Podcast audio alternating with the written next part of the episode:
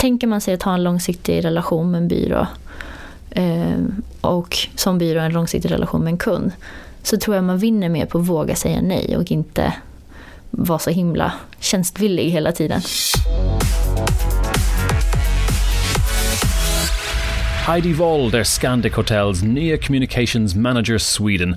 Hon kommer senast från konsultbolaget JKL som Senior Associate och har spenderat de senaste 6 till 7 år på konsultsidan.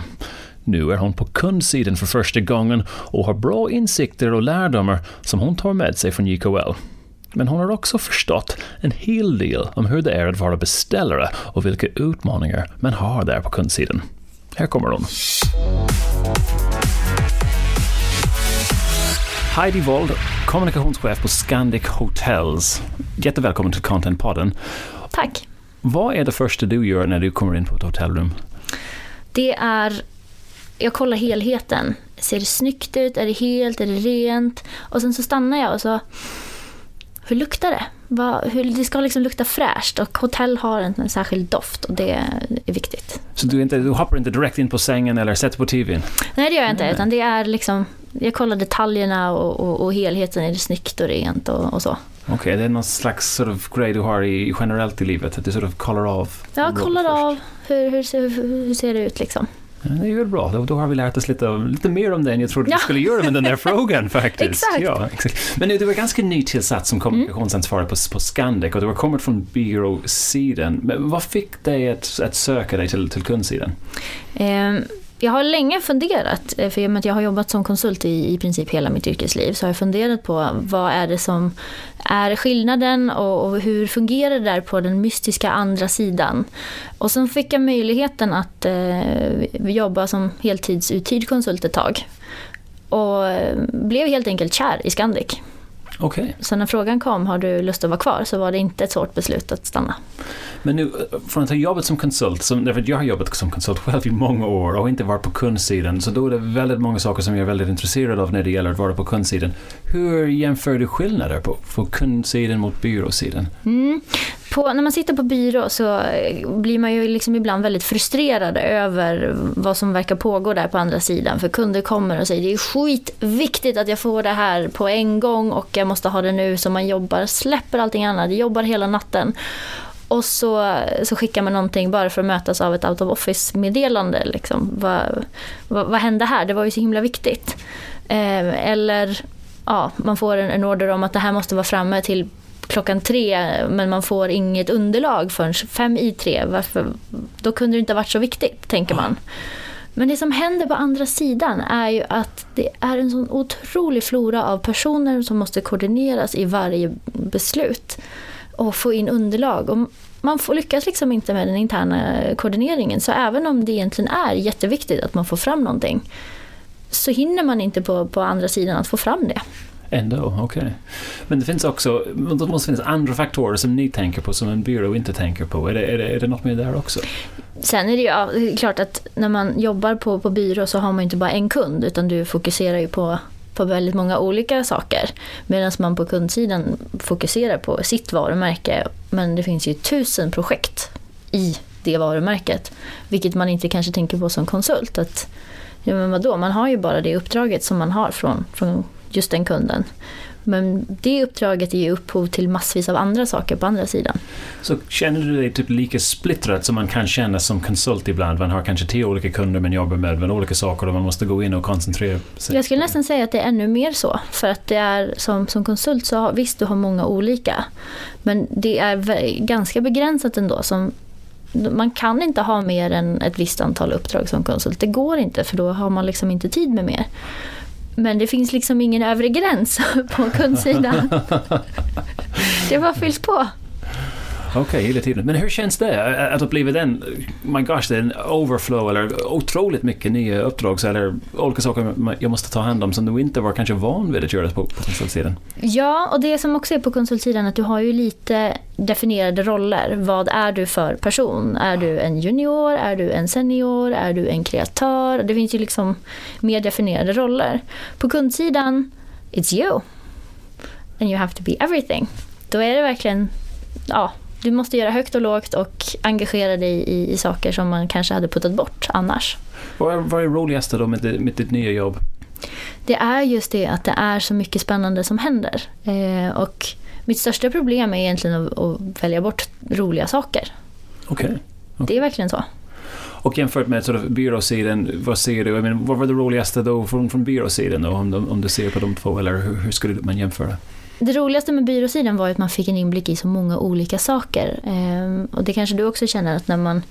Eh, ja, man fick jobba lite med tung industri och så fick man jobba med något konsumentvarumärke och så fick man jobba med ytterligare någon typ av industri och så var det liksom blandningen. Och jag har alltid trott att det skulle, jag skulle bli uttråkad på andra sidan men det är liksom ingen risk. Det finns så mycket roligt som händer inom cool, Scandex så det, jag blir nog kvar där. Hur känns det nu att välja byrå? Det är jättespännande. Det är så roligt att vara på andra sidan. Varför då? Nej, men man vet ju våndan va, som när man ska ta liksom, eh, när man ska in i en pitch eller liksom sådär. Eller, ja, försöka mer sälja och det är liksom lite spännande. Och så här, ja, kommer de att försöka med den taktiken eller kommer de att så här, försöka så? Eh, men det är, det är väldigt roligt att jobba med byråer från andra sidan. Och ser du dig själv då när byråer kommer och pitchar? Att du tänkte, ah, men så gör det jag? Eller, och, och, har du lärt dig att gosh, jag skulle ha pitchat på ett helt annat sätt nu med tanke på att du, du är nu på kundsidan? Nej, jag har nog faktiskt inte hunnit tänka på det på det sättet. Så, därför jag, jag, jag var lite intresserad av att, låt oss säga att du är fortfarande på, på JKL där du jobbade förut och du vill vinna Scandic som, mm. som kund och du pratar med kommunikationschefen på Scandic som är nu du. Mm. Vilka sorts frågor skulle du ställa till dig själv för att kunna Ja men precis. Jag hade nog, jag hade börjat med att fråga, eh, eller snarare be jag, mig, eh, berätta om vad är det som liksom, hur ser skopet ut i min roll? Eh, för att man sitter med så mycket olika saker. Ja. Eh, och det tror jag många byråer kanske missar lite för att man vill gärna jobba med de stora liksom, projekten som är liksom lite symbolaktiviteter om man ska kalla det så. Men det är kanske inte där egentligen affären finns. För att om man, jag skulle nog ha frågat vad är det som, som du gör, vad är det som tar mest tid? Vad skulle vara skönast för dig att bli av med och få hjälp med? Där tror jag man hittar en, en, ganska bra affär.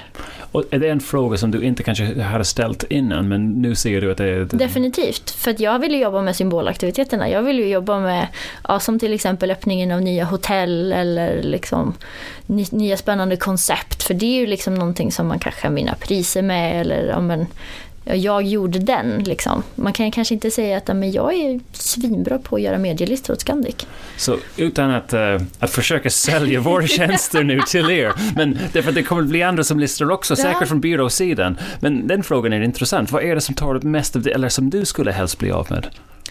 Det är faktiskt alltså den här traditionella hantverk, PR-hantverksbiten som ringa upp, följa upp med journalister, gå igenom och uppdatera alla medielistor. Allt som är liksom superviktigt att det faktiskt finns. Alltså det är strukturkapital. Men jag hinner inte Nej, okay. sitta och gå igenom det. Skriva pressreleaser, ja, artiklar, den, den, den Till exempel. Och, och liksom titta och, och det klassiska liksom PR-hantverket, det skulle jag verkligen behöva en riktigt bra hjälp med. Nu har jag bra byråer ska tilläggas. Det. Jag försöker inte sälja nu, det är okay. Nej, säkert. En konsult slutar aldrig sälja. Nej, för sig. Men jag ska säga det, att jag har bra byråer som jag jobbar med idag som hjälper mig. Men eh, det är där tror jag man som byrå kan hitta en hel del, alltså vara en del av lösningen. Just det, tänk inte på den här flashy, fina Exakt. kampanj, utan att tänk på vad är det som faktiskt stör ja. dem i vardagen. Ja. Och kan man, kan man liksom avlasta i den så har man också visat att man faktiskt skulle kunna jobba sig in i de andra delarna, tänker jag. Men förståelse för din bransch måste också vara väldigt viktigt. Eller det är, när vi jobbar med olika kunder, det blir självklart lättare och lättare desto mer vi känner kunden och desto mm. mer vi kan deras bransch. Det, det måste vara en, en faktor där också. Eller är det en stor faktor, tror du? Ja, det är det ju såklart. Alltså, för att, eh, så upplevde i alla fall jag det. Varje gång när vi fick en ny kund så var det en, en inläsningsperiod. Man behövde verkligen sätta sig och, och förstå den branschen. För annars så lämnar det ju att ge förslag på saker som ah, men det går inte att genomföra därför att. Eller det går inte att genomföra för det gjorde konkurrenten förra året. Man kan ju lätt bli aningslös annars. Varumärket Scandic, hur upplevde folk i sort of Skandinavien, i Norden, om, om själva, själva varumärket. Det känns som att det har gjort ett, gjort ett lyft de senaste åren. Mm. Eh, om jag går till mig själv så har jag personligen alltid haft en väldigt god bild av Scandic. Jag har, alltid liksom, jag har bott mycket på Scandic Hotel och alltid tyckt det var helt okej. Okay. Eh, men det vi har gjort de senaste åren är ju att verkligen lyfta produkten, alltså hårdvaran, hotellen. Oh. Många hotell har genomgått en otrolig eh, renovering. renovering.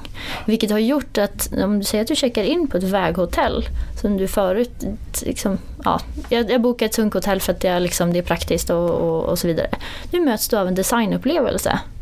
Och det är häftigt. Men vi upplever fortfarande att vi har lite ett gap att stänga där. Att det inte är så många än som har upplevt det nya Scandic. Utan vi har en, en resa att göra. Så det finns en uppfattning som folk fortfarande känner att äh, det är bara så det, det gamla vanliga Scandic? Ja men exakt, man bokar Scandic, jag vet jag får, alltså det, mm. det, är en säng och det är helt och rent men det är liksom inte så mycket mer.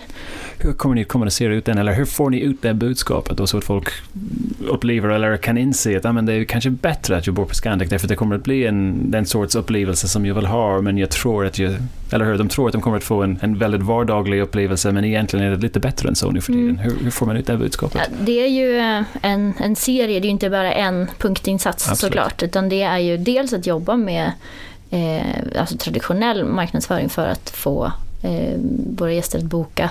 Men eh, tidigare, alltså bokningsmönstret, hur man bokar hotell har ju förändrats också. Ja. För det är ju så transparent idag med, med Tripadvisor och så vidare, vilket gör att man bokar liksom inte längre kanske Scandic bara för att, eh, eller som man bokade Hilton för att jag vet vad jag får. Mm. Utan man, man går på omdömen och då kanske ett litet boutiquehotell eller en liten Airbnb, eller vad heter det, bed and breakfast kommer att eh, komma fram bara för att det var bra recensioner där. Eh, så det är en sån sak som vi måste jobba med jättemycket, alltså nya digitala kanaler och, och sådana saker. Tripadvisor måste vara väldigt mm. viktigt för er. Jätteviktigt. Och är det rätt? Jag har hört folk som har klagat med, i restauranger till exempel om, om Tripadvisor, att någon som har egentligen gått in, kanske som jobbar på en annan restaurang och givit en väldigt dålig recension och det känns att det det det är helt fel. Upple har ni upplevt en sorts problematik eller är det ungefär rättvist? Jag tycker väl att det är förhållandevis rättvist. Alltså, om jag ska titta på mig själv när jag bokar hotell och jag ska resa någonstans så läser jag ju alltid recensionerna. Jag läser ju inte en, två eller tre, jag läser ju ändå ganska många. Mm. Bläddrar ett par sidor tillbaka för att se hur ser liksom historiken ut. Eh, och bildar mig liksom en, en uppfattning om, om det är någon som är överdrivet negativ men de andra är ändå rätt okej. Okay. Ja, då finns det ju anledning att, eh, att anta att den här som var riktigt på dåligt humör den dagen eller ja, yeah. någonting sånt. Eh, och jag inbillar mig att de, många är ju så. Är det en del av er sort of marknadsstrategi nu, att, att, hjälpa folk kanske, att uppmuntra dem att gå in på Tripadvisor? Oh ja, det gör vi. Vi lyfter in Tripadvisor i, eh, på våra hotell, jobbar med dem, får hotellen till att svara på, på, på Tripadvisor och, och kommunicera med gäster. Är det den enda som räknas kan man säga som, som forum från sort of konsumenter? Eller det finns ju flera men Tripadvisor är ju stort. Det är den som är stort. Ja. Hur, vad är strategin mot marknaden generellt sett? Uh, hur kommer ni åt era kunder? Det är ju eh, också även där en, en liksom en, ganska bred fråga. Det vet jag.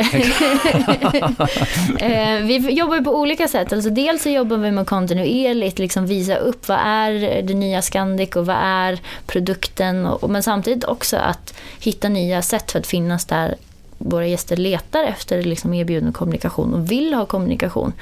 Eh, det är ju en, en, en ganska stor strategi eh, som vi jobbar med, både digitalt men, men också socialt, PR-mässigt. Det blir ju en mix, det gör det ju. Den nya Scandic, berätta då för mig, vad är den nya Scandic? Nya Scandic nu, nu kan du sälja en Scandic. Nu, oh, nu måste jag ladda. Nej, den nya Scandic är egentligen eh, det, det, är en designupplevelse. Eh, det är god mat, det är en välkomnande hotellmiljö. Det är eh, home away from home kan man säga. Att man, man är välkommen på Scandic oavsett vem man är och, och var man kliver in. Oavsett vilket hotell som vi kliver, man kliver in på så är man välkommen. Är det någon specifik målgrupp? Ni har varit ganska bra tyckte jag för barnfamiljer till exempel. Är det, något, är det specifikt barnfamiljshotell eller?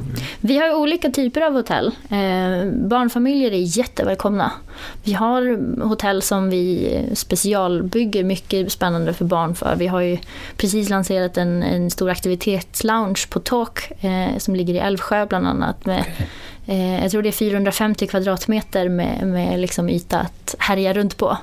Wow. Eh, alltså många hotell är liksom specifikt anpassade för barnfamiljer men sen är det ju för, eh, för par eller för liksom affärsresenärer, för konferens och mötesgäster. Vi har ju ganska olika Ja, totalt sett i, i eh, våra sju länder har vi 230 hotell så det är klart att det det ska finnas ett hotell för alla. Det ska finnas ett hotell för alla. Och så lanserar vi ju ganska många nya spännande också framöver. Okay.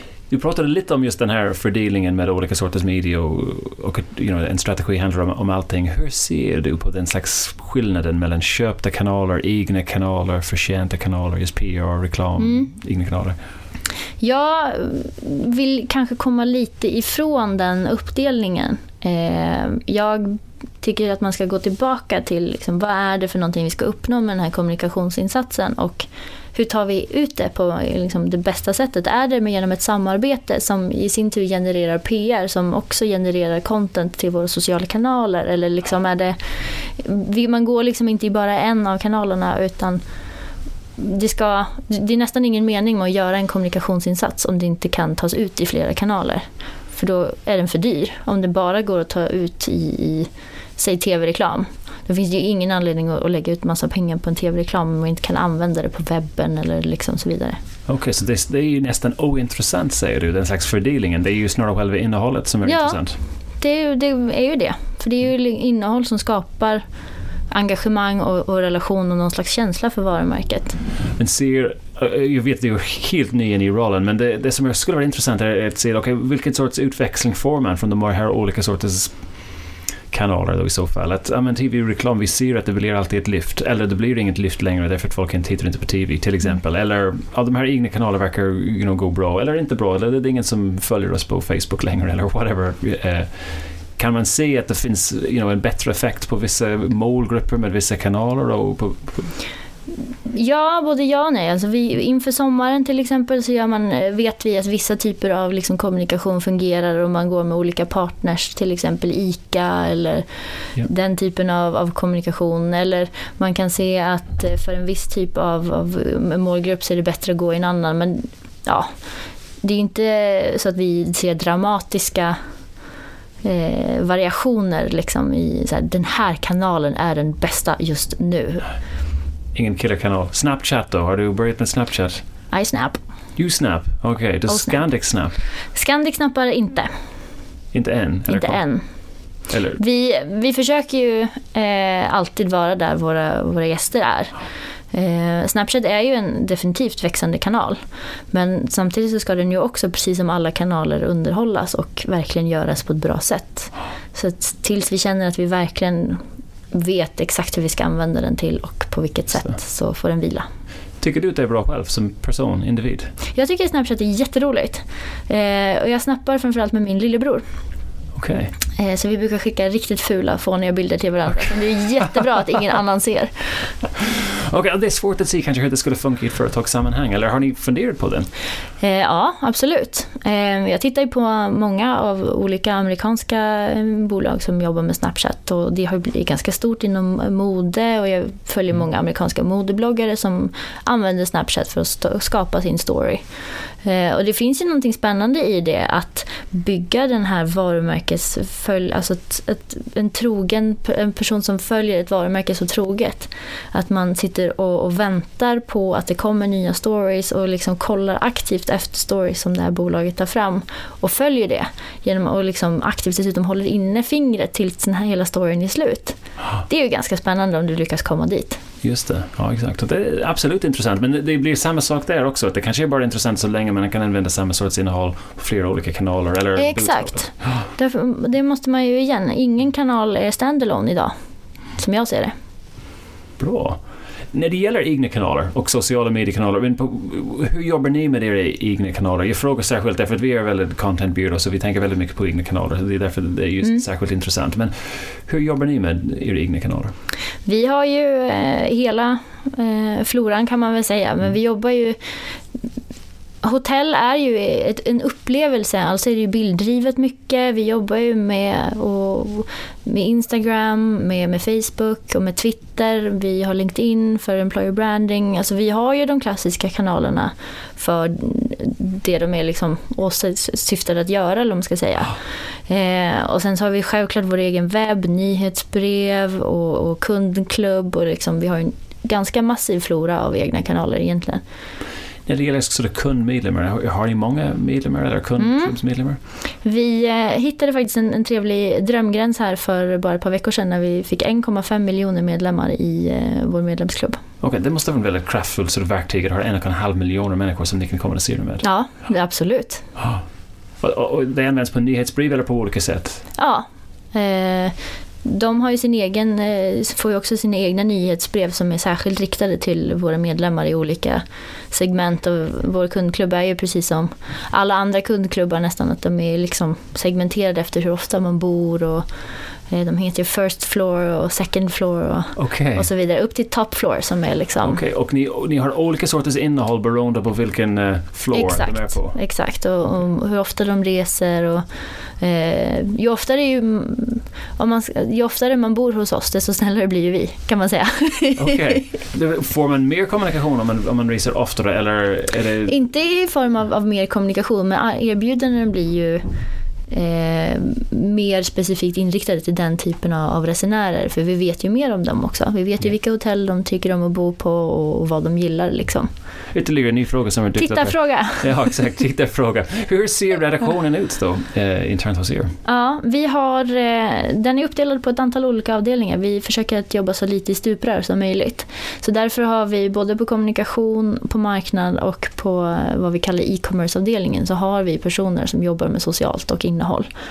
Ehm, så det är ett antal personer som hela tiden jobbar och som, om vi ska återknyta till det med, med samarbeten med eh, bloggare och, och, köpta kanaler och sådär. Så jobbar vi även med samarbeten. Vi gjorde nyligen en ehm, ja, en kampanj eller en, en upplevelse som hette Nordics in 48 hours. Där vi hade två bloggare från eh, en blogg i England som fick uppleva Norden på 48 timmar. Som vi liksom okay. körde runt och så vi gjorde massvis av olika upplevelser. Och, och den, tog ut det i olika kanaler, både våra egna och deras. Och, de reste runt Norden, både i, hotell, både i Scandic Hotel under perioden och, och bara bloggade om den? Ja. Okej. Okay. När det gäller just internt på organisationen, just marknad och kommunikation, hur, I mean, vilken sorts samarbete har ni? Ni måste ha någon form av samarbete. Det har vi, det... definitivt. Um, sen är det ju alltid utmaningar i och med att det är så mycket som händer. Så det är ju, och man är alltid för få. Så att man vill ju göra så mycket men man har ju bara två händer. Men det är klart att vi samarbetar eh, mycket på, på marknad och kommunikation men vi skulle kunna göra det ännu mer. Så är det alltid. Mm.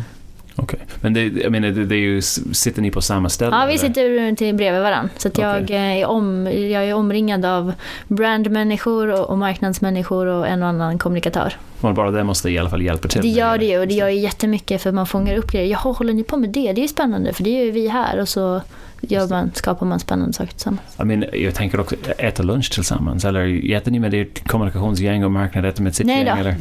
Det är ganska skönt. Det är väldigt prestigelöst på, på Scandic. Man frågar den som är närmast eller några som är runt omkring och så tja, ska ni gå ut och äta? Ja, jag hänger på. Cool. Ni har hotell i sju länder och det som jag tycker är, intressant, är det något som du ser som är särskilt intressant för just Sverige, där du har ansvar mot typ Danmark eller andra länder? Jag har ju jobbat mycket nordiskt förut eh, och jag brukar säga att, att Norden är som fyra indieband. Eh, vi vill vara väldigt unika och speciella men egentligen så är det ju liksom samma genre. Eh, och det speglar sig liksom lite in i också hur man jobbar med kommunikationen. Eh, när jag jobbade med, med ett stort konsumentföretag för några år sedan så var det ju jättejobbigt när deras huvudkontor låg nere i Centraleuropa. Så kom de med en kampanj som man skulle liksom trycka ner i, i de olika länderna och så liksom passade inte riktigt. Men med bara några få tweaks så får man det att funka. Det, alltså, det är inte så stora skillnader som varje land kanske liksom upplever eller vill trycka på. Så kommunikationen är ganska likadant. Allt är indie music men det är bara lite olika sorter Ja varianter. men exakt och lite så här different shades of black på ett sätt eller vad man ska säga. Okay. Eh, man, man liksom... Det kan kännas rätt deprimerande för typ norskar och svenskar och danskar att höra det här, eller? ja, som, som eh, både norsk och svensk så... Eh, nej, jag, det är klart att det skiljer sig i små grepp som alltså, humor till exempel är jättestor skillnad mellan Danmark och Sverige och, och på vissa saker funkar jättebra i Norge men i Finland så funkar det inte alls. Det är klart att det finns sådana liksom, skillnader men om man får ta ett lite mer helikopterperspektiv på det så är det mycket mer likheter än vad man kanske själv tror. Okej, okay, intressant. Hållbarheten har också varit en ganska stor grej för Scandic, i alla fall från vad jag, jag har sett och upplevt själv med, med Scandic. Hur jobbar ni med hållbarhet, eller just kommunikationsmässigt i, i synnerhet? Hållbarheten är ju superviktig för Scandic. Vi har jobbat med, strukturerat med hållbarhet sedan 90-talet och 93 tror jag vi skapade vårt första strukturerade hållbarhetsprogram. Så det är ju en del av Scandics DNA och vi gör ju ingenting som inte har en hållbarhetsaspekt i det. Eh, och det har egentligen blivit så invävt i vår DNA att vi kanske inte kommunicerar det så mycket som vi egentligen kanske borde. För att det, det är business för oss. Det är it's good business att, att jobba med hållbarhet. Det har ingenting att göra med att man vill vara, alltså få, få bra PR eller liksom den typen av eh, ja, vad säger man, good, good value, vad heter det? Good, goodwill heter goodwill, det. Goodwill, just det. Ja.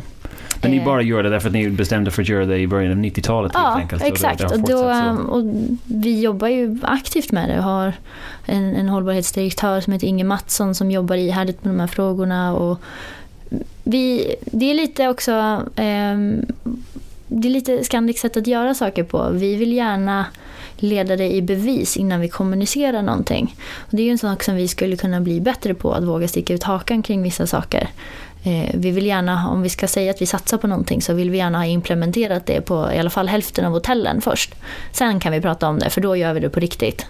Okej, okay, så ni, ni väntar och väntar och väntar, sen när ni känner att det är rätt, då börjar man kommunicera? Ja, men precis. Men ni kommunicerar en del kring you know, ekologisk mat och, och hållbarhetsfrågor Absolut. nu för tiden? Men Absolut. Det, det, det har börjat ske. Det måste löna sig, I mean, affärsmässigt, även om det kanske det låter så fult, men, men ändå, hållbarhetsfrågan är väldigt viktigt nu för tiden.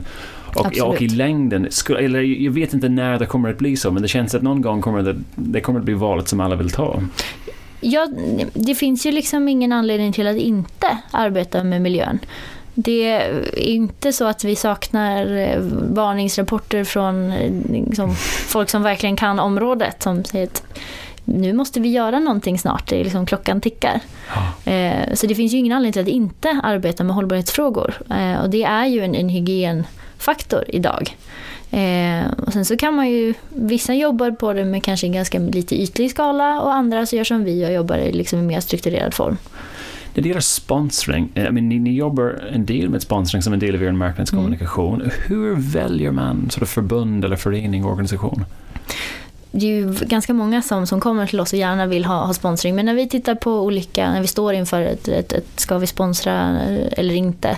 Så det första vi tittar på är stöder det här våra värderingar och, och kan vi liksom ur vår värdegrund säga att det här är någonting som som är bra. Eh, till exempel så sponsrar vi Svenska fotbollsförbundet och inte bara då landslagen utan vi sponsrar ju också ner på, på klubbnivå och okay eh, och distrikt så att man liksom, det är en folkhälsoaspekt i det här också. Ja. Eh, vi, vi, behöver röra på oss och fotbollen är en, en sån typ av sport som engagerar många både som utövare på massvis av nivåer och som, som eh, publik, att man, man engagerar sig i att gå och titta på lag och, och landskamper.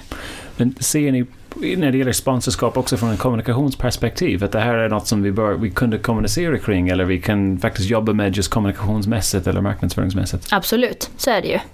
Eh, sponsring är ju som en marknadsföringsaktivitet som alla andra. Eh, det är ju inte en eh, vi kan inte bara ge bort pengar för att det är snälla utan vi måste ju också se till att det har en affärsmässig liksom, aspekt i det. Men hur gör man det på fotboll på sort of gräsrotsnivå, på lokal nivå? Vi ser ju alltid till att det är synlighet framför allt, att man eh, finns med på, som loggar på tröjor och sådana saker. Och man kan tycka att det kanske inte ger så mycket. Men, men när man... Eh, ser, låt oss ta ett exempel. Coca-Cola, varför sponsrar de fotbolls-VM? Ett av världens största liksom, konsumentvarumärken, varför behöver de överhuvudtaget någon synlighet? Alla köper väl Coca-Cola? Ja, fast det, det är ju Eller också världens det? mest tittade sport också. Ja, men till och- exempel. Alltså, det gäller det ju att liksom... Eh, synligheten är viktig och för oss att kunna prata om... Eh, ja, Och synas på lokal nivå jag, ibland. eh, till exempel i lokal nivå men också på nationell nivå. Det, Är det någon förbund, organisation som du skulle gärna inleda ett samarbete med? det här tycker jag är roligt för den här frågan tog jag med vår sponsoransvarig Mattias Kemi. Eh, och så kom han tillbaka med det vore väldigt roligt att sponsra norska längdskidförbundet. Eh, och det är ju väldigt kul. Dels för att jag själv är norsk och sen så eh, är jag längdtokig. Så jag tycker också det vore väldigt roligt att sponsra med dem. Och hur känns det nu? Det här är ett helt annat ämne, men du, du är norsk, som, du, du gillar längdskidor och du bor här i Sverige. Men Mm. måste du hålla dig lite tyst nu när Petter Northug och Marit Björgren går och vinner allting? Eh, Jag brukar få hå- hålla en ganska låg profil men jag går inte att leva med när det är VM och OS-tider. Okej, okej, det är bra att veta. Vi ska se till att det inte snackas för mycket med Ja. dig under de, de, de perioder. Du, Vi har inte pratat om intern kommunikation. Hur, hur jobbar ni med intern kommunikation och hur, hur funkar det? Det, intern kommunikation är ju alltid en svår sport. Eh, särskilt för en organisation som vi. Vi har 14 000 medarbetare. Eh, och alla har ju inte arbetsuppgifter där de dagligen har tillgång till dator. Det är klart att vi har intranät och, och den typen av kanaler. Eh, jobbar med eh, nyhetsbrev och interna eh, utskick och sådär. Men mycket av internkommunikationen måste ner till hotelldirektörerna. Ta ut information till sina anställda. Och här är det ju jätteviktigt att ha tungan rätt i mun. Det får inte bli viskleken. Det måste ju vara bra och rätt information som sprids vidare i organisationen. Och det kräver ju tydlighet. Så att ni måste ha ganska många som är inte heltid heller, som jobbar på hotell. Exakt. Ah. Det är ju, vi har ju alla typer av anställningsformer nästan hos oss. Både några som jobbar heltid, deltid, visstid. Allt finns. Och att skapa of lojalitet och en slags Scandic-känsla. Kommunikation måste vara en väldigt viktig del. Verkligen. Och jag menar, igen, hur, hur tänker ni där? Därför att jag kan tänka mig att det måste vara ganska svårt att få någon slags 18-årig kille som jobbar you know, bara på helgerna på en Scandic att känna sig ju så väldigt lojal eh, till Scandic. Mm. Hur- Men, på, hittar man något sätt att, att nå dem? Eller är det genom hotelldirektören? Har, Hotelldirektören har en jätteviktig eh, roll att spela men även eh, mellanchefer. Ett hotell har ju ett, ett, en, en, också en, en egen hierarki. Eh, och där är det jätteviktigt och vi jobbar jättehårt med att till exempel utbilda eh, de som är liksom chefer och så går alla som är nyanställda går ett introduktionsprogram. Scandic har en egen, eh, en egen utbildningsenhet, Scandic Business School. okej. Så där eh, jobbar vi mycket med alla typer av liksom, utveckling av personal för att man ska känna sig som en, en skandikian eller vad man ska säga. Okej. Är, det en- är det ett uttryck i Scandic? Jag hittade på det nu. Okej, väldigt bra. um, vad är din största, lite coolt, vad är din största utmaning nu i, i din roll idag? Den största utmaningen är ju att prioritera, eh, verkligen. Det händer otroligt många saker på Scandic just nu. Vi- Många, vi öppnar ju, eh, I Stockholm öppnar vi två nya hotell nästa år till exempel. Eh, och det är nästan bara roliga saker. Så mitt stora problem är ju att prioritera. För jag skulle kunna jobba dygnet runt konstant. Okej. Det skulle vara fantastiskt roligt men någonstans behöver man sova också. Ja, det, är nog bra idé, absolut. Det finns bra hotell att göra det i. Ja, det gör ju det. Jag har hört, jag har hört några rykten om att det finns en hotell. Faktum är att vi, eh, vi håller på och tittar på nya kuddar och, och, och prover och sånt. Så att jag eh, provade en av kuddarna under mitt skrivbord häromdagen. Vi kanske Okej. kan lägga ut en bild på det i samband Ja, med den här podden. göra. Det kan vi, vi tar gärna emot den. Vad kommer ni att göra mera och mindre av framöver? Är det någonting ni ser like, budgetmässigt på kommunikationen? Vi kommer att göra, satsa mer här och mindre där. Vi har ju en, en ambition att göra vad man kallar färre men värre. Eh, att försöka kanske begränsa vi antalet aktiviteter vi gör men göra dem riktigt bra. Samtidigt så, ja igen, det är ju så väldigt många roliga saker och bra saker som verkligen förtjänar uppmärksamhet. Så det är ju, ja, det är en svår fråga det där. Är det någonting ni tror ni kan bli bättre på på, på Scandic? Ja, alltså som jag sa förut, vi måste, tror jag, våga sticka ut hakan lite mer och inte Mm.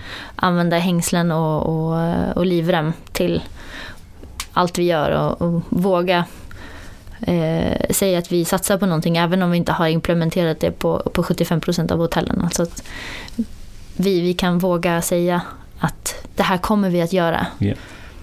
Här är några sort of generella frågor eh, som har inte med Scandic att Mm. göra, men bara därför att du har en intressant bakgrund från, från byråsidan, från JKL och andra, och andra byråer. Berätta för oss om en, en riktigt sort of kommunikationsfull träff som du har varit med om. Någon Mm. slags fantastiskt lyckad eh, kampanj eller kommunikationsinsats. Ja, eh, jag har ett eh, ganska roligt exempel men det är sällan egentligen det är de riktigt stora kampanjerna som, som når de bästa resultaten.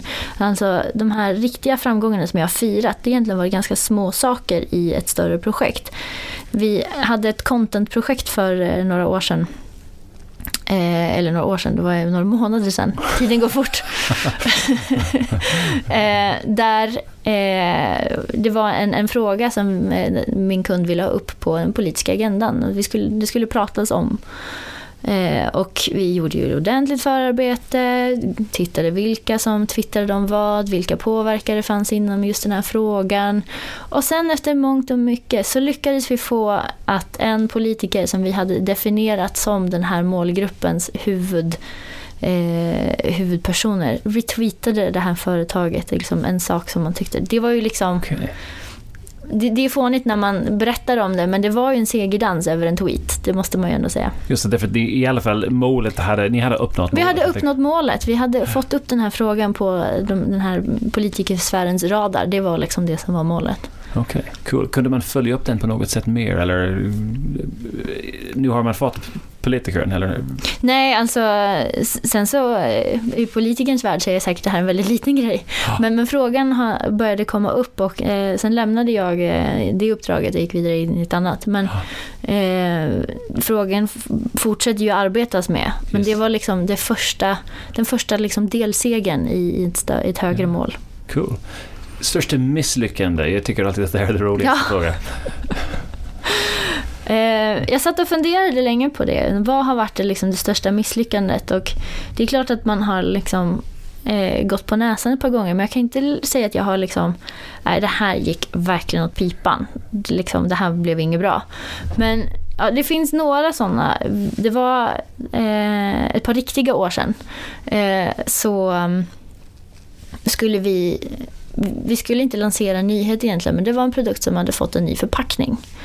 Eh, och efter många om och men och så hade vi kommit fram till liksom course of action och det var det här vi skulle göra.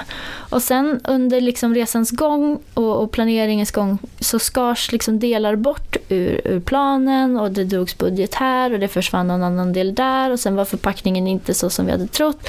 Till slut så blev det ingenting kvar. Vilket innebar att när vi gjorde det här utskicket, i det här fallet till bloggare, så fanns det ingen nyhet kvar. Så det blev liksom inga klipp. Ja. Och Lär- det lärdom är ju ett från den. misslyckande kan man ju ändå säga. Ja, absolut. Jo, det låter som ett riktigt misslyckande. Och men, fast det låter det är väldigt förståeligt. Det är något som man ser händer rätt så ofta också. Ja, jag tror att man, man ser det och jag tror att eh, då var jag förhållandevis junior som konsult och då är det ju svårt att säga, säga nej. Men där tror jag att man måste som byrå våga säga nej mera. Eh, och för att om, om en byrå skulle säga till mig idag om en idé som vi håller på att jobba med. Vet du, Heidi, det här kommer inte gå därför att. Det skulle jag respektera väldigt mycket mer än att man liksom säger okej men det fixar vi för, för man är ju serviceinriktad som, som Ja. konsult. Att man vill ju verkligen, ja men vi fixar det. Och sen så har man skurit bort den, kanske, kanske det som var, var udden på den här idén. Och sen så, det går nog ändå. Och så skär man bort en liten bit till och så tar man bort en liten bit till. Till slut så sitter det där med ingenting. Just det. Och då, då har egentligen byrån gjort ett, ett, ett björntjänst eller ja, ett, ett Ja. dåligt jobb kan man säga. Men man har ju satt, Mm. satt set up to fail säger man ju på engelska. Att man Ja. har liksom Både för kunden får liksom se dålig ut på sin sida för man inte har liksom Ja, lyckats exakt. leverera resultat. Och blir då arg på byrån för att det är lätt att skylla på byrån och säga att men de levererar inte så de vill vi inte Ja. jobba med igen. Just det. Och jag tror att ska man, tänker man sig att ha en långsiktig relation med en byrå eh, och som byrå en långsiktig relation med en kund så tror jag man vinner mer på att våga säga nej och inte vara så himla tjänstvillig hela tiden. Väldigt bra råd. Ehm, vilken marknadsaktivitet eller kommunikationsaktivitet har du sett de senaste åren som du tycker är helt outstanding? Någon särskilt intressant aktivitet? Jag brukar ofta återkomma till en employer branding-grej som Heineken gjorde för eh, några år sedan. Eh, det var en, en, en traineetjänst de sökte och som de gjorde en, en video kring och, och vilken typ av personer egentligen de letade efter. Och istället för att göra massa vanliga intervjuer så testade de dem praktiskt och filmade dem med dold kamera. Det här var ju en, en eh, det hade kanske inte varit helt kosher att göra i, i, eh, i Sverige liksom med, med dold kamera och som arbetsgivare och så vidare. Eh, men den är väldigt rolig. Eh, och det skapar en känsla av att men, Heineken är ett trevligt ställe att vara på. Okej, okay, men vad var det som den visade, den här filmen? Filmen går ut på att man tar in ett par personer. De eh, ska göra praktik, praktik under någon typ av fotbollsevenemang. Eh, och så sitter de ett gäng ungdomar och så, men de får ju sina vanliga frågor. Så här, vad är det som eh, är du? Ja, men jag har en stor passion för fotboll säger allihopa. Och utgångspunkten är att ja, man får alltid samma svar när man liksom yeah. ger standardfrågor. Så då beslutar de sig för att testa ett par kandidater och allt ifrån fejkade medicinska anfall okay. till eh, fejk brandutrymning eh, och så vidare. Så får de då fram en person som visar både engagemang och, och eh, ja, att den personen eh, handlingskraftighet och, och sådär. Så får de ha rätt attityd. Okay. Okej, okay, ja, det finns en hel del etiska frågor kring att göra en sån aktivitet. Det gör ju ja. det och det fanns dessutom en, en, eh, De hade också lagt ut ett par videos liksom på en intern omröstning så att man fick liksom internt också rösta om vem som skulle då få det här jobbet. Wow, okay. Så det var ganska sån här elaborate eh, kampanj. Men, men, filmen som sådan är, eh, ger en jättehärlig känsla och det bygger employer branding på ett fantastiskt sätt okay. tycker jag. Cool. Det är bra musik i och så. Är det någon marknadschef eller kommunikationschef som du skulle vilja att vi pratade med näst? Ja, alltså när, man, när jag har jobbat som konsult så har man ofta tänkt så här Ja, det vore ju jättekul att jobba med, med det och det varumärket för det är så känt och det är så häftigt och produkterna är så coola. Men det är alltid upp uppdragen som liksom har varit för kunder som kanske inte är såna passion brand som har varit så riktigt intressanta och de riktigt spännande utmaningarna. Så det vore ju roligt att höra för något liksom tungt industribolag, kanske liksom Gunnebo Spik eller någonting. Så hur ser deras liksom marknad ut och kommunikationsutmaningar ut? Det hade varit ganska spännande tror jag. Cool. Sista fråga, actually, jag har, det här är inte sista fråga, det är en andra sista fråga. Så jag ljuger. Andra sista fråga. Tror du att du skulle kunna gå tillbaka till byråsidan igen? Nu att du har börjat på kundsidan, du tycker det är fantastiskt roligt. Tror du att du skulle kunna gå tillbaka? Jag vet inte. Jag vet inte. Ja. Det, på ett sätt så är det ju som att vara en intern konsult när man sitter på en informationsavdelning. Så att arbetsuppgifterna är ju inte eh, så stor skillnad men det är otroligt häftigt att vara på ett ställe där eh, alla jobbar lite mot samma mål. Mm. Samtidigt som att man är ju ganska ensam på eh, kundsidan. När man är, jobbar som konsult så har du ju alla som jobbar där har samma intressen på ett sätt och liksom samma yeah. kompetens. Så om det är så att du har väldigt, väldigt mycket att göra så kan du alltid be en kollega om hjälp om du sitter på byrå och så delar ni på liksom den uppdragspotten. För att, så. Men, men man är ju själv på eh, kundsidan på det sättet. Så jag ljuger igen för jag har ytterligare frågor nu. Nej, men, det är just att, att äga frågan, typ att äga sort of ämnet som är Scandic, mm. känns det sort of en större ägarskap nu där, därför att du är på kundsidan än, än du var på byråsidan, eller känner du någon skillnad? Att det, man brinner lika mycket för för varumärket kan man säga, eller är det, finns det, är det en annan sorts känsla nu att du är på kundsidan? Eh, inte så mycket för mig. Jag tror att det beror lite på vad man är som, som konsult kanske. Men eh, när jag var konsult gick jag väldigt upp i de varumärkena som jag eh, arbetade med. Så eh, när jag arbetade till exempel med Oral-B skulle jag aldrig hitta på att köpa Colgates tandkräm. Okay. Nej, nej, nej. Eh, så på ett sätt så, eh, så är jag väl liksom samma nivå av liksom commitment är ju där. Men det är klart att man blir ju en skandikian när man ja. jobbar på Scandic. Det gör man ju. Det här, vi har myntat ut det här nya uttrycket. Ja, nu, nu sitter det. Det är ju bra. Det, är bra. det här är, jag lovar, sista frågan. Och det här var lite pest eller kolera frågor som vi ställer till alla. Olika sorters frågor, men alltid så det ska vara knepigt att, uh, att svara. Så du, du, får ett val här. Du får välja mellan två saker. Att i all framtid kommunicera genom att skrika ut allt du vill säga på Sergels torg. Eller att bara kommunicera med emojis. Hmm. Jag tror jag måste säga emojis.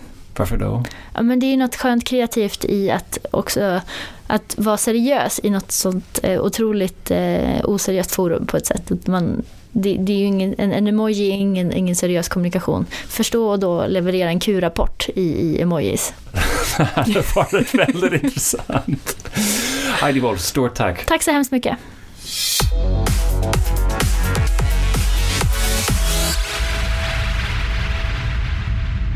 Content-podden kommer från Contentbyrån Breed. Mitt namn är Colin O'Callaghan och du hittar oss på LinkedIn, Twitter och breedcontent.se. Gå gärna in till iTunes och rata oss där också. Vi lyssnar gärna på er feedback.